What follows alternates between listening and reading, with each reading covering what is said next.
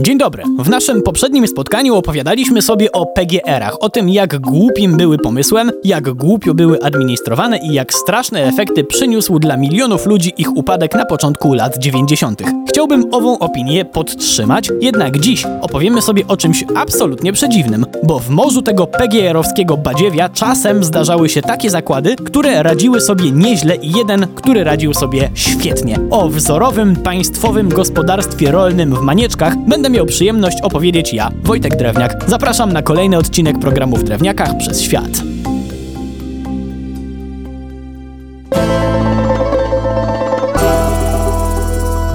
Poprzednio opowiedziałem, jak wyglądały PGR-owskie realia, bo to przecież ważniejsze od założeń na papierze, ale w kontekście naszego dzisiejszego tematu warto sobie powiedzieć, jak według władz takie modelowe gospodarstwa miały wyglądać.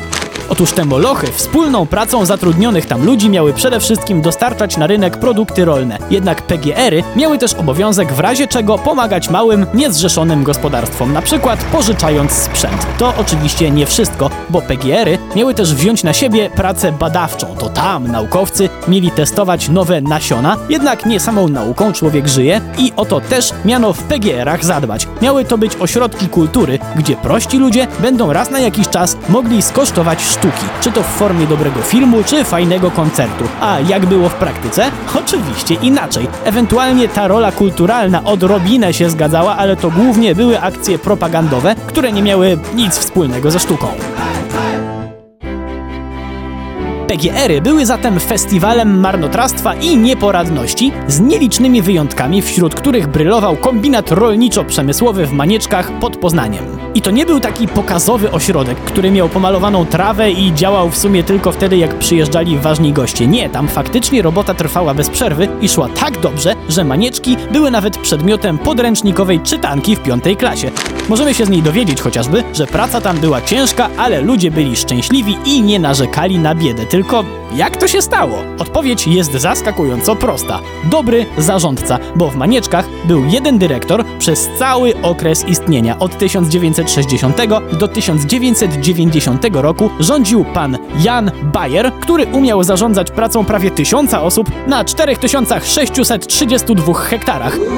Ale to dopiero początek bo jako pierwszy dyrektor PGR-u powołał Zakład Usług Socjalnych, żeby zapewnić pracownikom maksymalnie dobre warunki i to na wielu płaszczyznach. Nie tylko można było zjeść w zakładowej stołówce, a dziecko zostawić na świetlicy, bo był na przykład sklep zakładowy całkiem nieźle zaopatrzony w porównaniu z wieloma w największych nawet miastach. Dbano też o zapewnienie wydawałoby się małych, ale ważnych, codziennych potrzeb. Jeśli ktoś potrzebował gazu, takiego w butli, to dostawał przydział. Była też pralnia czy zakład fryzjerski. Podkreślam, zakład fryzjerski. W PGR-ze. Oczywiście dyrektor Bayer poważnie potraktował te zapiski o życiu kulturalnym lokalnej społeczności. Tylko, że w swoim stylu zrobił to ponad normę. Bo pracownicy jego zakładu nie tylko mogli sami tworzyć kulturę w specjalnym kole, ale brali też udział w wycieczkach na prawdziwe koncerty do dużych miast. Poza tym było oddzielne koło sportowe i biblioteka, a latem kolonie dla dzieciaków. A jak już sobie wspomnieliśmy o wyjazdach, to warto też wspomnieć o tych do NRD, Węgier czy Czechosłowacji, ale żeby tam pojechać, no to już trzeba było być wyróżniającym się pracownikiem. To jednak nie wszystko, jeśli chodzi o motywowanie pracowników do dawania z siebie więcej w pracy. Bayer wiedział dobrze, że jak człowiek ciężko pracuje i nie zarabia dużo, to ostatnią rzeczą, na jaką ma ochotę, jest powrót do obleśnego domu. To też kilka razy w tygodniu zabierał ze sobą potrzebujących pracowników do składu mebli, po czym przy nich wybierał im nowe wyposażenie domu. Nie pytał, czy się podoba i czy nie za drogie. Płacił, a potem dogadywał się, jak pracownik meble odpracuje. Oczywiście na takich zasadach, żeby obu stronom to pasowało. Fajnie? Fajnie, ale to nie koniec, bo gest dyrektora sięgał też poza zakłady pracy.